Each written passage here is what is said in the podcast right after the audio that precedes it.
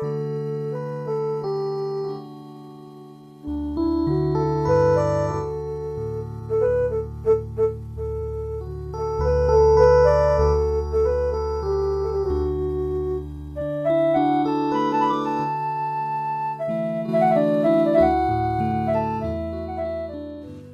េះវិទ្យុសំឡេងមេត្រីភាពផ្សាយចេញពីវិទ្យុ Adventist ពិភពលោក នាងខ្ញុំ Erica Pha ហើយខ្ញុំ John Prisley Pha សូមគោរពនិងស្វាគមន៍ចំពោះអស់លោក លោកស្រី និងប្រិយមិត្តអ្នកស្ដាប់ទាំងអស់ជាទីមេត្រីបងប្អូនលោកអ្នកកំពុងស្ដាប់ដំណឹងល្អពីវិទ្យុសំឡេងមេត្រីភាព ដែលផ្សាយចេញជាភាសាខ្មែរមួយថ្ងៃពីរលើកព្រឹកពីម៉ោង6ដល់ម៉ោង6:30នាទី ពេលល្ងាចពីម៉ោង8ដល់ម៉ោង8:30នាទីយប់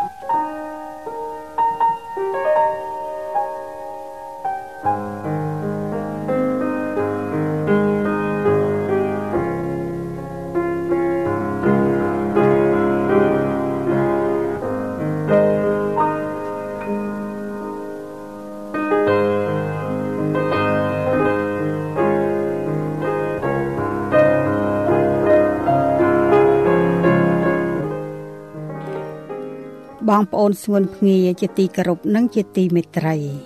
វិទ្យុយើងសូមលើកយកប្រវត្តិសាស្ត្រនៃក្រុមជំនុំពីសិភៅថ្ងៃដែលគេស្ទើរតែបំភ្លេចទៅហើយ របស់បណ្ឌិត Mark Finley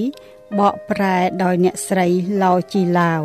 ពិនិត្យរៀបរៀងដោយលោកគ្រូសនសុផាត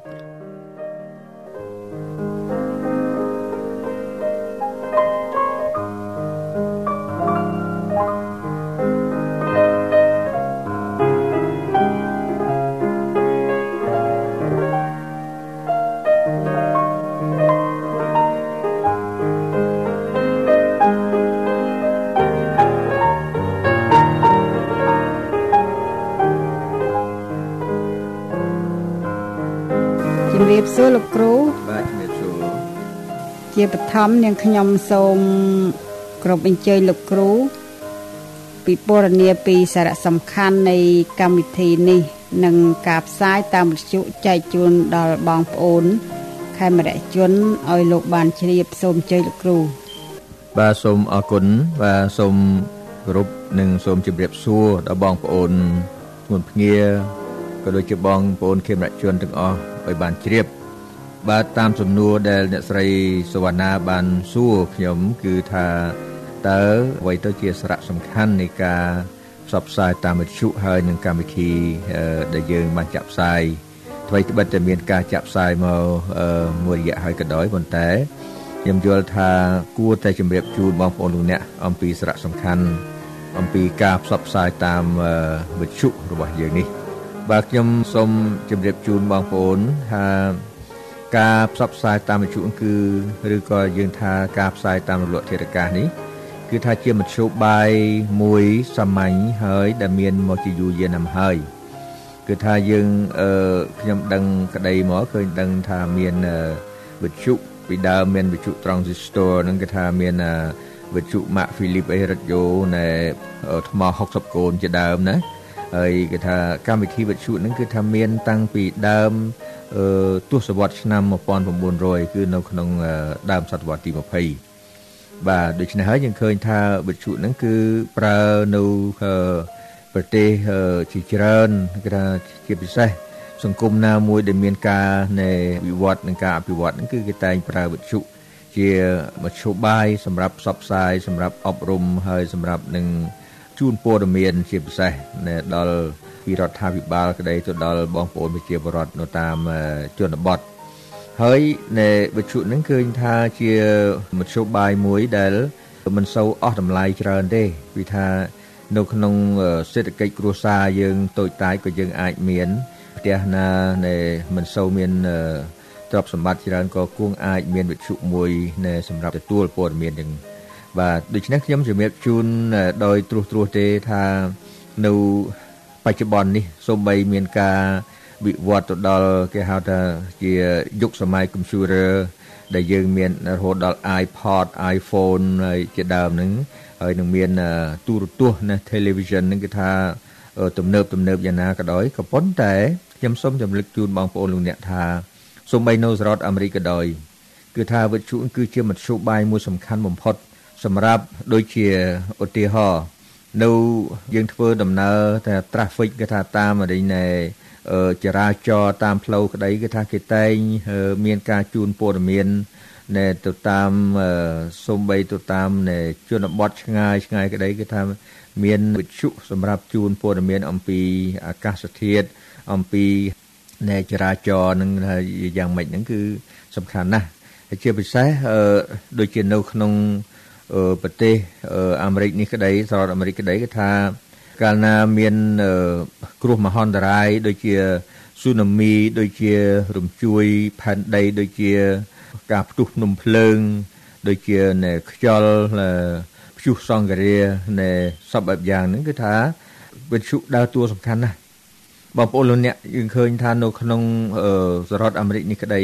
ពេលណាមានគ្រោះមហន្តរាយកើតឡើងមកឃើញថា មនុស្សរាប់លានអ្នកគឺពឹងអាស្រ័យទៅលើព័ត៌មានដែលរដ្ឋាភិបាលដែលគេបានជូនសម្រាប់ឲ្យបងប្អូនយើងថាតើត្រូវធ្វើដំណើរទៅទិសខាងណាដើម្បីឲ្យបានសុវត្ថិភាពដូច្នេះហើយយើងឃើញថាកម្មវិធីវិទ្យុនឹងហើយនឹងការដែលយើងមានវិទ្យុនឹងគឺសំខាន់ណាស់បងប្អូនវិទ្យុយើងគេថាអាចមាននៅតាមរថយន្តឬក៏ជួនកាលយើងគ្រាន់តែកូនវិទ្យុមួយសម្រាប់ដាក់ហូប៉ៅណែក៏យើងអាចនឹងទទួលព័ត៌មានបាន បាទដូច្នេះសំខាន់ណាស់គេថានៅក្នុងស្រុកអាមេរិកក្តីគឺថាវិទ្យុជាមធ្យោបាយមួយជាឧបករណ៍មួយដែល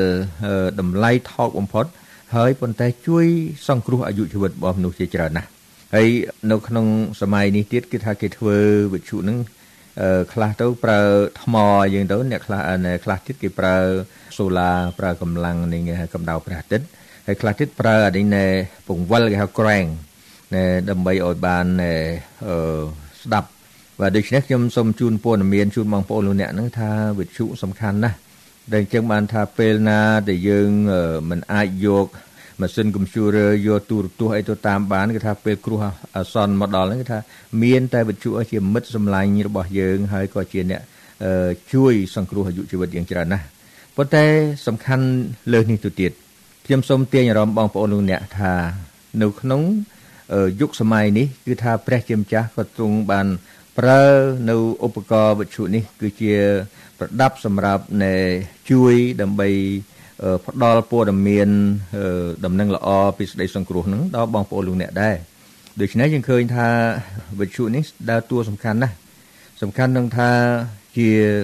មធ្យោបាយមួយដែលព្រះជាម្ចាស់បានប្រើណាដូចនៅក្នុងខគម្ពីរ នៅក្នុងព្រះគម្ពីរវិវណៈចំពុក14បងប្អូនលោកអ្នកវាមានលក្ខណៈដូចគ្នានឹងអ្វីដែលយើងបានពិពណ៌នានេះគឺនៅក្នុងព្រះគម្ពីរវិវណៈចំពុក14ដែលខ្ញុំសូមអានជូនវិវណៈចំពុក14ខ6ខ្ញុំក៏ឃើញទេវតាមួយទៀតកំពុងហោះកាត់កណ្ដាលមេឃទាំងមានដំណឹងល្អដល់នៅអស់កាលជានិច្ចសម្រាប់នឹងថ្លែងប្រាប់ដល់មនុស្សនៅផែនដី គឺដល់គ្រប់អស់ទាំងសាគ្រប់ពូជអម្បូរគ្រប់ភាសាហើយគ្រប់ទាំងគ្រួសារដែរ ដូច្នេះខ្ញុំគ្រាន់សង្ខេបខ្លីទេថានៅក្នុងនេះវគ្គនេះនៅក្នុងវិវណៈពុ14នេះគឺថាជាដំណឹងល្អនៃទេវតា3ទេវតា3ហ្នឹងបើទេវតាកំពុងហោះកាត់កណ្ដាលមេឃហ្នឹងបើយើងមើលឃើញហ្នឹងប្រៀបដូចជាសារដំណឹងល្អដែលកំពុងប្រកាសផ្សាយតាមវិទ្យុសំឡេងមេត្រីភាពក្តីគឺថាសម្រាប់ជូនដល់បងប្អូនលោកអ្នកគឺជាសារដំណឹងល្អនៃសេចក្តីសង្គ្រោះដូច្នេះហើយបានថាយើងមើលឃើញនៅក្នុងខគម្ពីរមួយគឺនៅក្នុងព្រះគម្ពីរហូសេ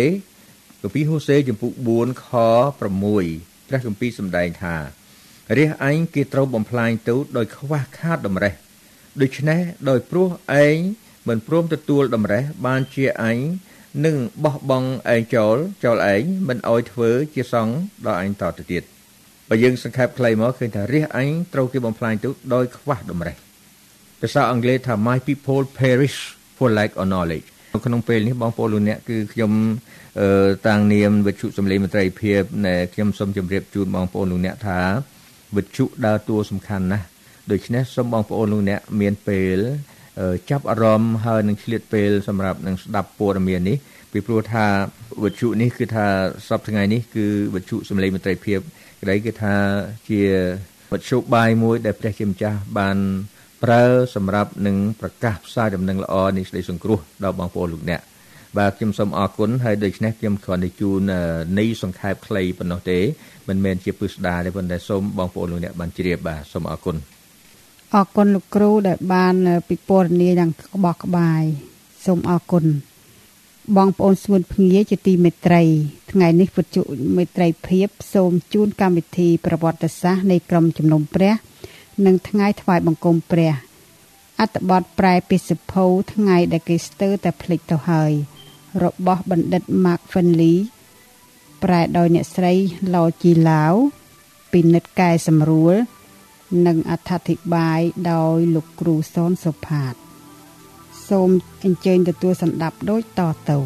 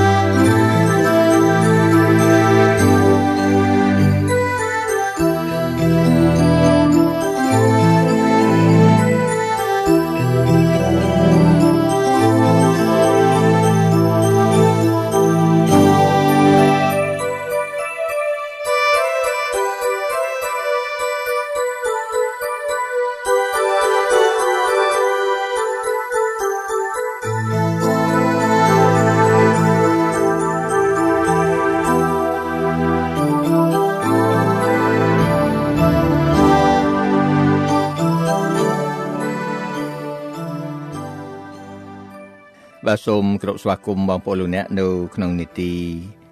ប្រវត្តិសាស្ត្រនៃក្រមជំនុំដែលខ្ញុំដកស្រង់ចេញពីសភៅ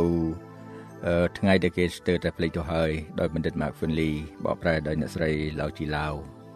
ថ្ងៃនេះយើងបន្តនៅក្នុងជំពូកទី4ដែលមានចំណងជើងថា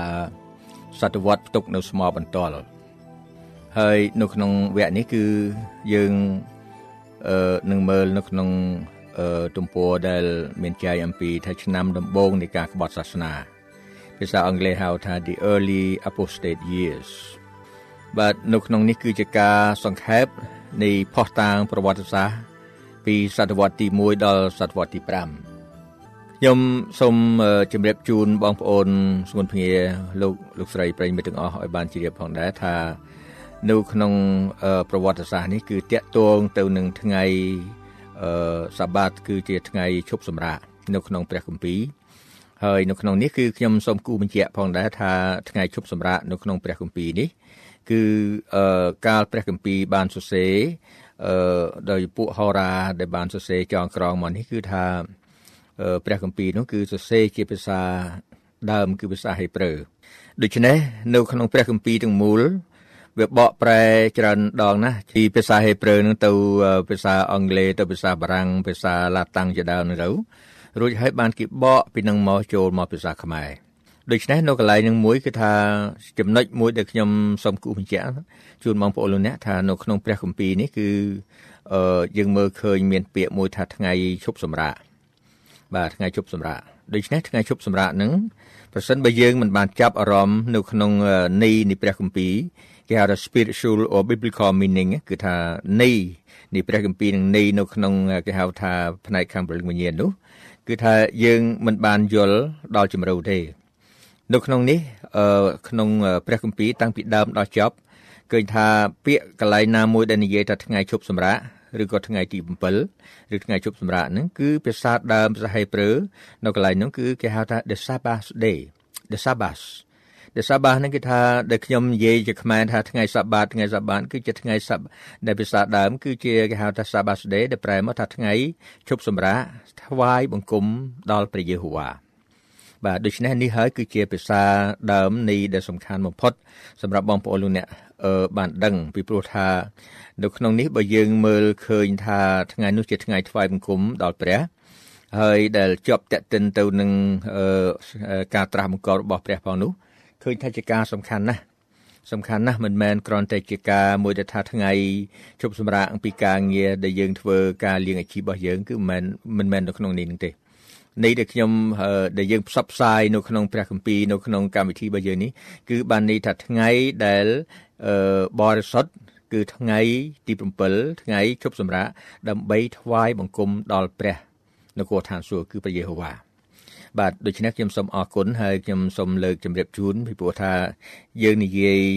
ថាថ្ងៃសបាតថ្ងៃជប់សម្រាប់អញ្ចឹងគេលោកបងប្អូនលោកអ្នកមិនបានយល់ថាតើយើងចង់និយាយពីអីដូច្នេះឥឡូវនេះខ្ញុំសូមអោយអឺបងប្អូនលោកអ្នកបានស្ដាប់នៅខនៃព្រះគម្ពីរមួយវគ្គខ្ញុំសូមអញ្ជើញអ្នកស្រីសូនសវណ្ណាបានអានអ្នកស្រីបានអាននៅក្នុងព្រះគម្ពីរពីគម្ពីរថេសាឡូនីកអ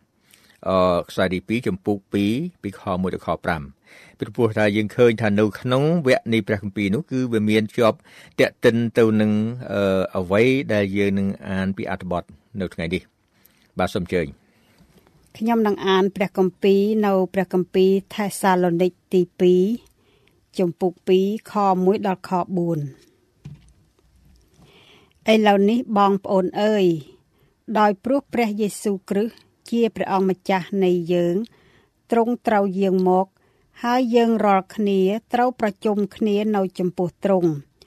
នោះយើងខ្ញុំសូមអង្វរដល់អ្នករាល់គ្នាថាកុំឲ្យអ្នករាល់គ្នាឆាប់មានគំនិតរវើរវាយឬថប់ព្រួយអ្វីទោះបើដោយសារវិញ្ញាណណា ឬពាក្យសម្ដីណា ឬសម្បត្តិណា ដូចជាមកពីយើងខ្ញុំក្តី ដែលថាថ្ងៃនៃព្រះអង្គម្ចាស់ចិត្តដល់ហើយនោះឡើយកុំឲ្យអ្នកណាបញ្ឆោតអ្នករាល់គ្នាជាយ៉ាងណាដែរត្បិតថ្ងៃនោះมันមកឡើយទាល់តែមានសេចក្តីក្បត់សាសនាមកជាមុន ហើយមនុស្សដែលជាតួបាបនោះបានលេចមក គឺជាមនុស្សដែលត្រូវហិនវិនាសដែលទាស់តតឹង ហើយលើកខ្លួនឡើងខ្ពស់លើសជាងអស់ទាំងអ្វីដែលហៅថាព្រះឬរបស់អ្វីដែលគេគោរពប្រណិប័តផង ដល់ម្លេះបានជាវានឹងអង្គុយនៅដូចជាព្រះក្នុងវិហារនៃព្រះ ទាំងសំដែងខ្លួនថាជាព្រះផងឥឡូវនេះខ្ញុំសូមជូននៅព័ត៌មានពិស្ដាអំពីប្រវត្តិសាស្ត្រនៅក្នុងតកតងនឹងក្រុមជំនុំគឺថា តាមការសិក្សាដ៏ប្រុងប្រយ័ត្នមួយនៃប្រវត្តិសាស្ត្រតាំងពីសតវត្សទី1ដល់សតវត្សទី5គឺបានបើកបង្ហាញនៅកិច្ចការដ៏អស្ចារ្យនៃការផ្លាស់ប្ដូរពីថ្ងៃសាបាតគឺថ្ងៃថ្វាយបង្គំព្រះនឹងតាមព្រះគម្ពីរពិតទៅឯថ្ងៃអាទិត្យគឺជាការផ្លាស់ប្ដូរបន្តិចម្ដងបន្តិចម្ដងក្នុងរយៈពេលយ៉ាងយូរការនេះមិនមែនកើតមកថាភ្លាមភ្លាមនោះទេគេថាអស់រយៈពេលយ៉ាងយូរបណ្ឌិត Kenneth Strand គឺជាសាស្ត្រាចារ្យ ជំនាញខាងប្រវត្តិសាស្ត្រនៃក្រុមជំនុំនៅឯសាកលវិទ្យាល័យ Andrew នៅក្រុង Berrien Springs Michigan គឺលោកបានមានប្រសាសន៍វេជ្ជញាក់យ៉ាងច្បាស់ថា រហូតមកដល់សតវត្សទី2ពុំមានផុសតាងដ៏ជាក់លាក់ណាមួយពីការប្រារព្ធពិធីថ្ងៃអាទិត្យរបស់អ្នកគ្រីស្ទាននៅកន្លែងណាមួយសោះឡើយកំណត់មួយដែលជាក់លាក់នៅក្នុងអំឡុងសតវត្សនោះចេញមកពីក្រុង Alexandria និងក្រុងរ៉ូម ជាកន្លែងដែលបដិសេធមុនគេបង្អស់នៃការគោរពថ្ងៃទី7ជាថ្ងៃថ្វាយបង្គំព្រះបាទដកស្រង់ចេញពី Sabbath in Scripture and History នៅទំព័រ330ចុះហេតុអ្វីបានជាក្រុងទាំងពីរនោះ គឺក្រុង Alexandria និងក្រុងរ៉ូមបានបោះបង់ចោលនៅសេចក្តីពិតនៃថ្ងៃសាបាតមុនក្រុងឯទៀតចម្លើយអាចរកឃើញនៅក្នុងការយល់ដឹងអំពីគ្រីស្ទានមុនដំបូង នៅក្នុងគម្ពីរនៅក្នុងយុគគម្ពីរសញ្ញាថ្មីគឺថាឬក៏យើងនិយាយថានៅចំនួនពួកសាវកពួកគ្រីស្ទៀនភាគច្រើន គឺមានសមាជិកជាពួកសាសយូដាដែលបដូរជំនឿក្រោយមកទៀតមានពួកអ្នកដែលនៅក្រៅសាសអ្នកក្រៅសាសគេហៅភាសាអង់គ្លេសហៅថា the gentile គេថារាប់ពាន់អ្នកបានចូលមកក្នុងពួកជំនុំក្នុងគណៈដែលពួកអ្នកគ្រីស្ទៀនដើមដំបូងផងទាំងឡាយដែលបានកាន់ក្រឹតវិន័យរបស់ព្រះយ៉ាងស្មោះត្រង់ ដោយគោរពថ្វាយបង្គំព្រះនៅថ្ងៃសាបាតដ៏ពិតប្រាកដនោះពួកអ្នកដែលទៅបដូរជំនឿថ្មី ហើយដែលមានទំនៀមទម្លាប់ថ្វាយបង្គំព្រះអាទិត្យនោះក៏លះបង់ថ្ងៃសាបាតចូលចេញវិញយ៉ាងងាយពេលនោះគឺថាចំណុចកណ្ដាលរបស់អ្នកគ្រីស្ទៀនគេថា the the the center of Christianity បានរំកិលចេញពីក្រុងយេរូសាឡឹមទៅឯក្រុង Alexandria និងក្រុងរ៉ូម ណាយើងដឹងហើយថានៅក្នុងព្រះគម្ពីរនៅក្នុងសម័យព្រះយេស៊ូវក្តីគេថាចំណុចកណ្ដាលនៅក្រុងយេរូសាឡឹមឥឡូវនេះរំកិលហើយរំកិលទៅឯក្រុងអាឡេសាន់ដ្រីហើយនិងក្រុងរ៉ូមពួកអ្នកក្រៅសាសដែលបដូរសាសនាមកជាអ្នកគ្រីស្ទានដែលមិនធ្លាប់មានការគោរពថ្វាយបង្គំព្រះនៅថ្ងៃសាបាតហើយដែលទទួលអធិពលយ៉ាងខ្លាំងដោយការដែលអឺគេ កំពុងតែផ្សព្វផ្សាយអំពីថាព្រះគិសមានប្រជាជនរស់ឡើងវិញនៅថ្ងៃអាទិត្យណារួមទាំងជំនឿដើមរបស់ពួកគេផ្ទាល់គឺការគោរពព្រះអាទិត្យនោះក៏គេទទួលយកវិធានការសម្របសម្រួលបានយ៉ាងងាយស្ថានភាពនៅក្រុង Alexandria និងក្រុងរ៉ូមគឺមិនមែនដូចជាទីក្រុងឯទៀតនៅក្នុងអាណាចក្រទាំងមូលនោះឡើយប្រវត្តិវិទូខាងប្រវត្តិសាស្ត្រនៃក្រុមជំនុំម្នាក់ឈ្មោះលោក Socrates Scholasticus គឺគាត់បានផ្ដល់ឲ្យយើងនៅចក្ខុវិស័យយ៉ាងសំខាន់ថាសឹងតែគ្រប់ក្រុមជំនុំទាំងអស់ពាសពេញទាំងពិភពលោក បានប្រារព្ធពិធីដ៏អាកំបាំងនិងបរិសុទ្ធគឺពិធីបុណ្យលៀងព្រះអម្ចាស់ភាសាអង់គ្លេសហៅថា The Lord's Supper គឺគេធ្វើពិធីបុណ្យលៀងព្រះអម្ចាស់នៅថ្ងៃសបាតជារៀងរាល់សប្តាហ៍ បងប្អូនលោកអ្នកដឹងហើយថានៅទីនេះក៏ខ្ញុំសូមរំលឹកបន្តិចក្រែងលោបងប្អូនលោកអ្នកដែលស្ដាប់នៅក្នុងវគ្គនេះមិនបានដឹងថាថ្ងៃសាបាតនឹងគឺថ្ងៃទី7ហើយថ្ងៃទី7ហ្នឹងបើព្រះយេស៊ូវមានព្រះមានប្រជញ្ញរស់ឡើងវិញនៅថ្ងៃទី1គឺថ្ងៃអាទិត្យដូច្នេះថ្ងៃទី7ជាថ្ងៃសាបាតថ្វាយគុំព្រះហ្នឹងគឺបើថ្ងៃអាទិត្យថ្ងៃទី1ដូច្នេះថ្ងៃទី7នោះគឺជាថ្ងៃសៅរ៍ បាទនេះគឺខ្ញុំជម្រាបជូនឲ្យបងប្អូនបានដឹងនៅនៅក្នុងរយៈពេលរយៈពេលខ្ញុំរំលឹកឲ្យបងប្អូនដឹងថាថ្ងៃដែលយើងនិយាយទៅថ្ងៃសាបាតនេះគឺជាថ្ងៃថ្ងៃសៅរ៍ឥឡូវយើងមើលតទៅទៀតដោយឡែកតែពួកគ្រីស្ទៀននៅអាឡិចសាន់ដ្រីនិងនៅក្រុងរ៉ូមដោយប្រកាន់តាមទំនៀមទម្លាប់ពីបុរាណក៏បានឈប់ធ្វើការនោះទៅ គឺគេឈប់ធ្វើពិធីបុណ្យលៀងព្រះអម្ចាស់នៅរៀងរាល់ថ្ងៃសបាតនោះ នេះដកស្រង់ចេញពី Socrates Scholasticus Ecclesiastical History បាទនៅក្នុងប្រវត្តិសាស្ត្រនៃរបស់ខាងនៃពួកជំនុំបណ្ដាជននៅក្រុងក្រុងស្តង់ទីណូប៉ូលគឺនឹងស្ទើរតែគ្រប់កន្លែង ប្រមូលផ្ដុំគ្នាប្រារព្ធពិធីនៅថ្ងៃសាបាតក៏ដូចជាថ្ងៃទី1ក្នុងអាទិត្យដែលទម្លាប់អឺនោះ គេមិនមែនគេមិនដែលគោរពនៅក្រុងរ៉ូមឬអាឡិចសាន់ដ្រីឡើយដូចជាយើងបានរកឃើញហើយថាការខំប្រឹងប្រែងផ្លាស់ប្ដូរពីថ្ងៃសៅរ៍ថ្ងៃទី7ទៅថ្ងៃអាទិត្យថ្ងៃទី1នោះវាកើតឡើងយ៉ាងសន្សឹមសន្សឹមក្រៃលែងនៅក្នុងរង្វង់នៅក្នុងរង្វង់នៃគ្រីស្ទៀនថ្ងៃអាទិត្យនៅជាថ្ងៃធ្វើការប៉ុន្តែរួមទាំងការថ្វាយបង្គំក្នុងការលើកដំកើងថ្ងៃដែលព្រះយេស៊ូវមានប្រជញ្ញរស់ឡើងវិញវាមិនបានជំនួស ថ្ងៃសាបាតភ្លាមភ្លាមនោះទេដោយដែលយើងបានបរិយាយខាងលើនោះយ៉ាងច្បាស់លាស់មកហើយនៅក្នុងអំឡុងពេល200ឆ្នាំគឺចាប់ពីគ្រិស្តសករាជ100ដល់គ្រិស្តសករាជ300ការគោរពថ្វាយបង្គំព្រះនៅថ្ងៃអាទិត្យនៅទន្ទឹមគ្នានឹងការថ្វាយបង្គំព្រះនៅថ្ងៃសាបាតពិតប្រាកដក៏ប៉ុន្តែនិន្នាការរបស់ព្រះចៅកុងស្តង់ទីន គឺការដែលបែរេមានទំនោរណាទៅរបស់នៃព្រះចៅកុងស្តង់ទីននិងមនុស្សខ្លះទៀត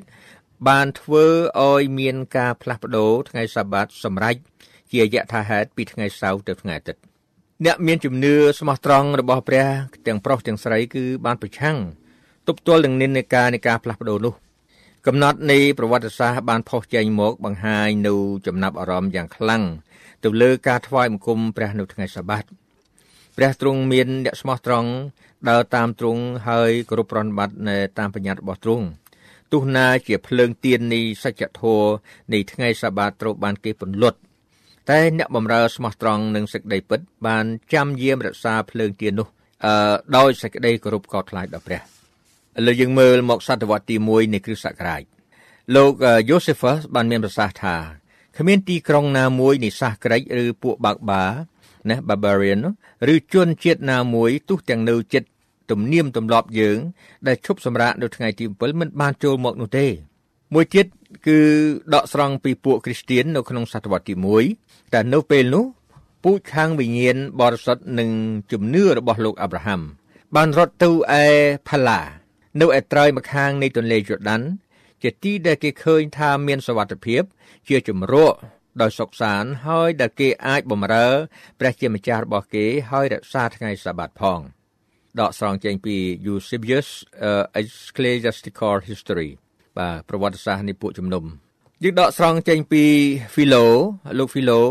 គឺប្រកាសថាថ្ងៃទី7ជាថ្ងៃបុណ្យគឺមិនមែនសម្រាប់ក្រុងនេះ ឬក្រុងនោះក៏ប៉ុន្តែសម្រាប់លោកសន្និវាសទាំងមូលឥ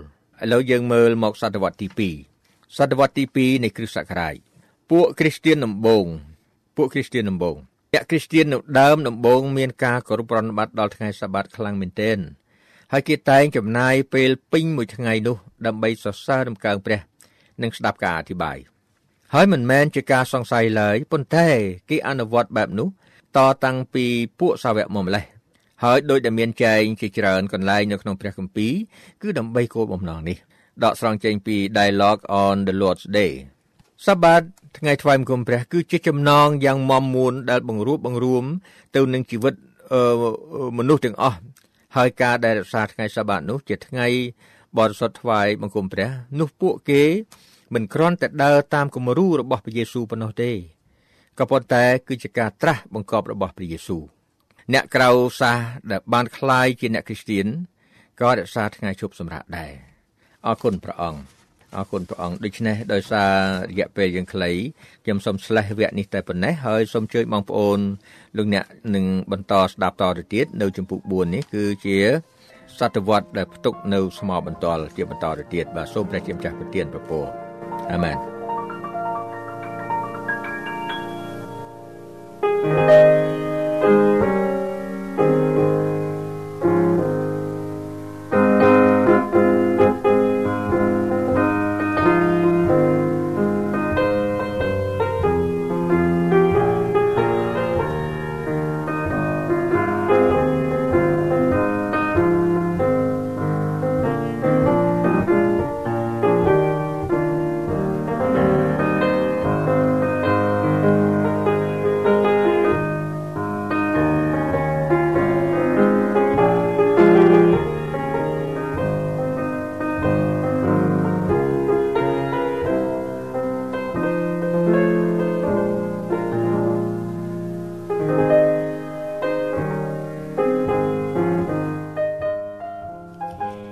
សូមអរគុណដល់បងប្អូនលោកអ្នកដែលបានយកចិត្តទុកដាក់ស្ដាប់ប្រវត្តិសាស្ត្រដ៏សំខាន់នៃពិភពលោក និងពិភពគ្រីស្ទៀនពីអតីតកាល ដែលអាចជួយបំភ្លឺមនសិការរបស់លោកអ្នកតាក់ទងនឹងសេចក្តីជំនឿសាសនា នៃព្រះយេស៊ូវគ្រីស្ទនិងការថ្វាយបង្គំព្រះតាមព្រះគម្ពីរអត្ថបទនឹងរឿងរ៉ាវនៃប្រវត្តិសាស្ត្រមិនឆ្លោះបញ្ចាំងឬជាគំនិត យោបល់ផ្ទាល់ខ្លួនរបស់វាគ្មិនឡើយហើយយើងខ្ញុំគ្មានគោលបំណងដាក់កំហុសទៅលើ ក្រុមណាមួយឡើយ តែនេះជាសច្ចធម៌នៃប្រវត្តិសាស្ត្រដ៏សំខាន់សម្រាប់ជួយបំភ្លឺផ្លូវនៃសេចក្តីជំនឿនិងសេចក្តីសង្គ្រោះរបស់លោកអ្នកគ្រប់គ្រប់រូបកម្មវិធីសម្រាប់ថ្ងៃនេះចប់តែប៉ុណ្ណេះ វិទ្យុយើង សូមថ្លែងអំណរគុណជាអតិបរមា ចំពោះការយកចិត្តទុកដាក់ស្ដាប់ របស់អស់លោកអ្នកនាង សូមព្រះជាម្ចាស់នៃមេត្រីភាព ប្រោសប្រទានព្រះពរគឺសេចក្តីសុខសន្តិភាព អំណរនិងសុភមង្គល ជានិច្ចនិរន្តរ៍តរៀងទៅរាត្រីសួស្តី